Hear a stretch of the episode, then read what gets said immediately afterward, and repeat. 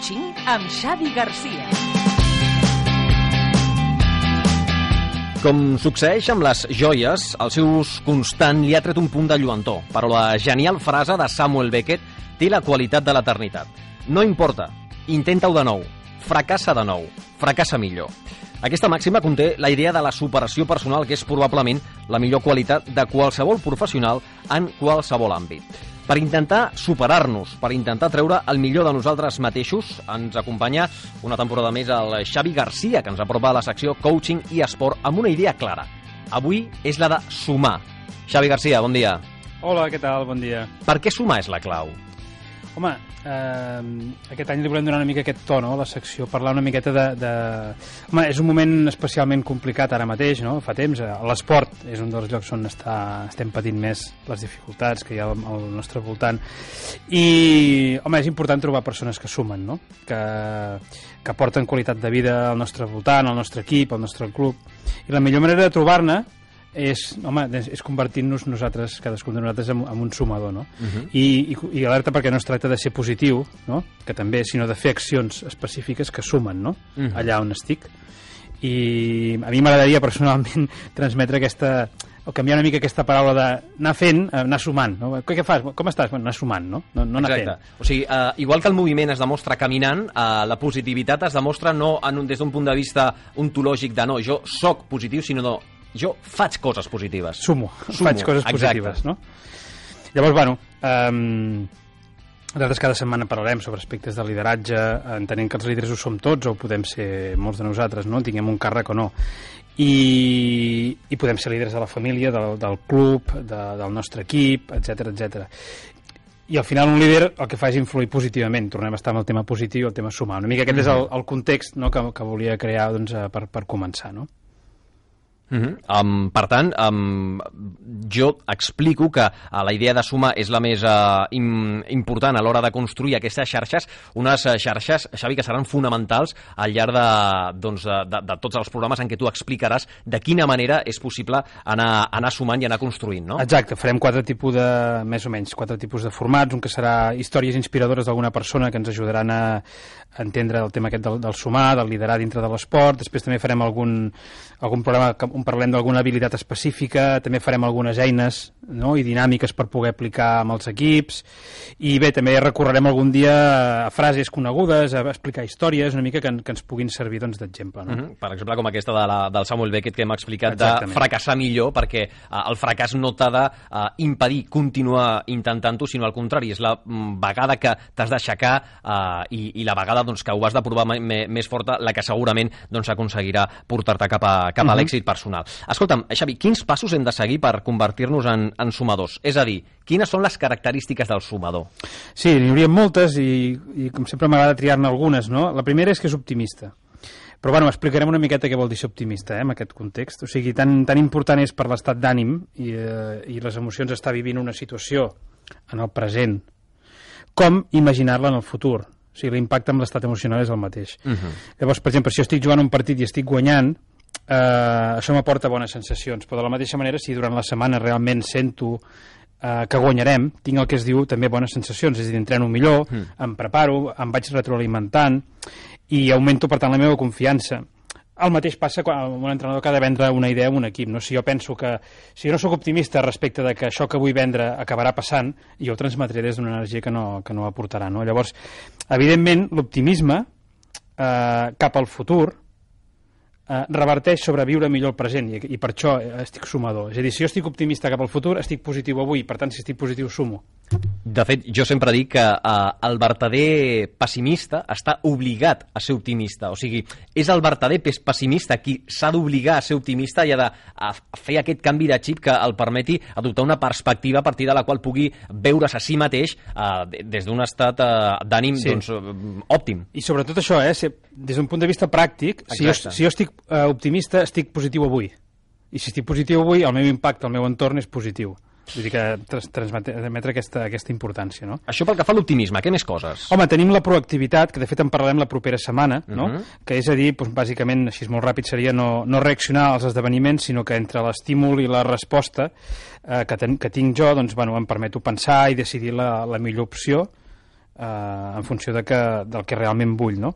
Ja et dic, això en parlarem la setmana, la setmana vinent, no? Mm -hmm. Per tant, eh, és un tema que em sembla del tot eh, important i interessant perquè està molt d'actualitat. Eh, els cursos de gestors d'empreses, de directors d'empreses, de, eh, sempre es parla de la proactivitat, s'ha de ser proactiu, també el treballador ha de ser proactiu, però hi ha moltes vegades eh, eh que es parla de conceptes i que es converteixen en una moneda d'ús comú, però que no acabes de saber ben bé quan val aquesta moneda. Dius, mm -hmm. sí, sí, és una moneda que intercanvio, però doncs, eh, deixarem ben clar què vol dir ser, ser proactiu partint d'aquest concepte de eh, sempre hi ha respostes possibles. Exacte. Més d'una.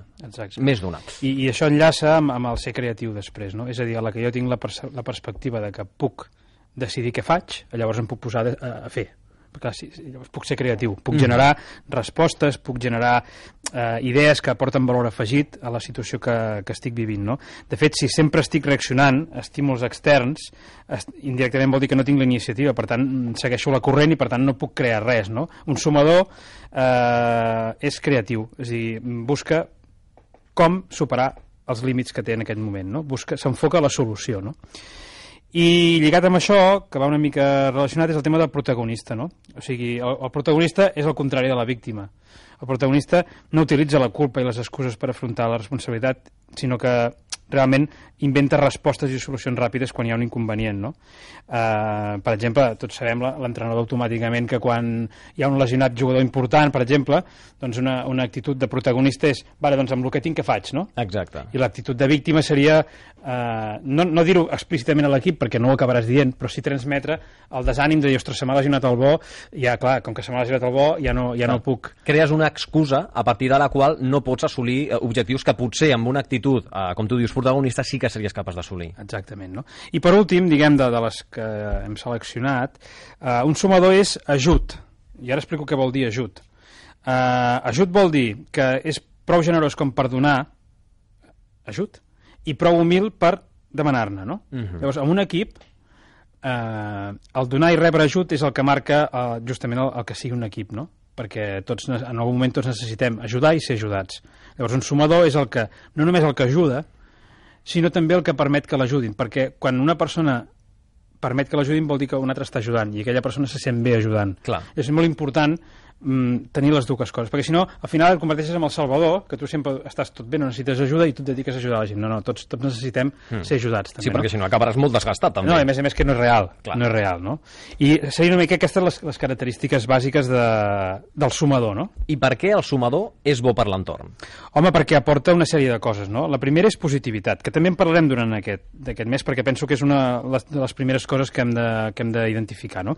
Però, bueno, és l'estat emocional eh, eh, que aporta més facilitat a que jo sigui productiu. Si jo estic positiu, jo soc productiu. I en qualsevol entorn, ser productiu és el que busquem tots, no? Uh mhm. -huh. I encara que sigui un, un terme no molt esportiu, però l'esport és el mateix. És a dir, quan un jugador està productiu vol dir que està al límit de les seves capacitats i està fent el que pot fer, no? Uh mhm. -huh. I per fer això has d'estar positiu. Per tant, un sumador aporta positivitat al grup. Una altra cosa que aporta és inspiració. Per què? Perquè representa un model a seguir. No? I i ja no per el que diu, sinó per la manera com es comporta, no?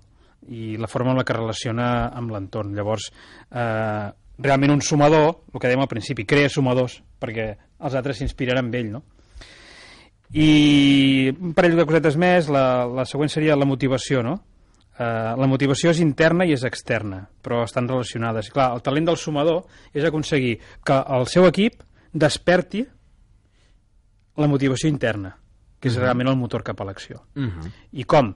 Doncs a través de, de la seva actuació, no? que seria el que seria la motivació externa. Si sí, soc... a partir de la motivació externa crees motivació interna. Exactament, que és la sostenible i la que fa que, que l'equip realment vagi endavant. No? Uh -huh. Quan el jugador està motivat ell, tu l'ajudes, però ell és el que es motiva i a partir d'aquí actua. No? Exacte. I per últim, crea xarxa, que ja n'hem parlat una miqueta, no? com a conseqüència de tot, de tot plegat, clar, els, els sumadors d'haver un nòdul de, de connexió entre altres persones. No?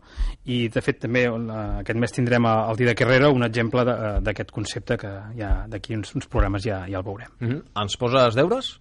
Sí, una miqueta de deures. Home, ja, ja que hem definit les cinc característiques del sumador, que és optimista, proactiu, creatiu, protagonista i ajut, estaria bé que, en primer lloc, ens puntuéssim de 0 a 10 en aquests factors. Sobretot no ens enganyem, eh? Mm. Perquè estem amb nosaltres mateixos, no ens enganyem, perquè si, si, si, si Ni, Ningú no ho sabrà, això només Exacte, és per, és per només tu. és per tu, sí. oient, només és per tu. Exacte, i llavors, a partir d'aquí, identificar quin és el teu punt fort, és a dir, d'aquestes característiques, quin és el teu punt O fort. sigui, per exemple, jo puc dir, jo sóc eh, sobretot optimista eh, i em falla una miqueta potser el ser protagonista, per exemple, no? Exacte. Llavors, quan tu identifiques el teu punt fort, llavors compromet-te a reforçar-lo amb un comportament, amb una acció, amb alguna no? I, I per últim, identifica on vols millorar més. No? I llavors fes una cosa que et costi. Per exemple, si normalment sóc eh, poc creatiu, doncs obliga't en algun context a ser-ne i a partir d'aquí eh, aprendre, no? Fantàstic. Escolta'm, eh, vull acabar la secció parlant eh, d'un exemple molt concret perquè em diguis quina és la teva opinió, eh, també perquè els oients doncs, eh, ho, ho tinguin clar, no? Eh, vull lligar la decepció olímpica de Madrid, que no albergarà els Jocs Olímpics del 2020, amb una experiència com la de Rafa Nadal. Des de quin punt de vista? Des del punt de vista de que a Madrid eh, hi havia molta gent que tenia eh, una idea molt equivocada d'un èxit imminent que després la realitat els hi ha negat. I Rafa Nadal és el contrari. Ha passat per una època de molts mesos de molt patiment i no sé de quina manera ha aconseguit sortir-se'n, ha guanyat Roland Garros i després ha guanyat l'Obert dels Estats Units, porta 13 grans slams i ja és el tercer tenista de la història amb més grans. Uh, M'ho poses molt fàcil perquè el, el Rafa és un exemple de sumador. Si repassem les característiques, optimista, mm. evidentment visualitzar-se que en el futur ho aconseguirà li permet entrenar prou dur i estar positiu al dia a dia com per poder-ho aconseguir. És proactiu, és a dir, és proactiu i creatiu, no? El tio busca respostes, busca solucions, és protagonista, no es queda amb l'excusa de les lesions o de que tal, sinó que realment busca eh, connectar-se amb el que vol, no? Mhm. I també també és ajut, perquè segur que durant aquest temps tot i ser el top, s'ha deixat ajudar. per un equip fonamental de base a partir de, del qual ell construeix la seva carrera. Exactament, sí, senyor. exactament. Ens ha quedat molt clar. Xavi, moltíssimes gràcies per tot i ens escoltem la setmana vinent. Molt bé, fins la setmana que ve. Adéu. Vols viure de prop tot l'esport català? T'apassiona la competició?